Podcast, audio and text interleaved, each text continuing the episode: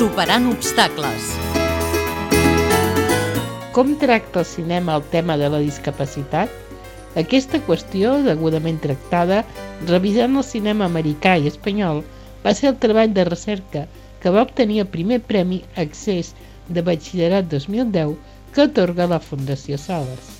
La seva autora, Anna Marchesi, de l'IES Vinyet de Sitges, va portar aquest treball titulat Cine Espanyol i Discapacidad, el camino hacia la normalització. Aquests quarts premis accés de batxiller es van lliurar el desembre de 2010.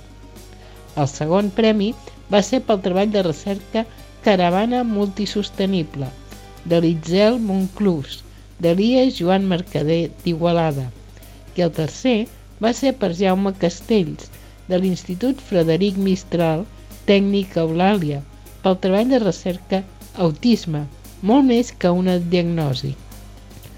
Aquesta convocatòria, que en aquest 2011 arribarà a la seva cinquena edició, aconsegueix que estudiants de 15 i 16 anys es plantegin l'existència en la societat i des de molts sectors de la diferència i el que és més important, la possibilitat real de la integració. Aquest 2010 s'ha pogut reflexionar a través dels premiats com el poder del cinema de la mà de directors com Almodóvar o Espinosa, que han portat a la pantalla personatges amb diversitats funcionals. S'ha aconseguit normalitzar un fet tan normal com el de ser diferent.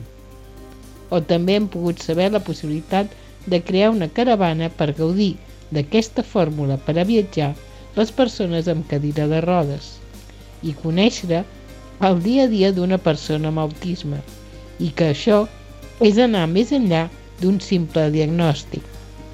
Tres exemples de fer pràctica i eficaç l'ensenyament i de construir una part de societat amb una visió més oberta. Montse Pous, periodista.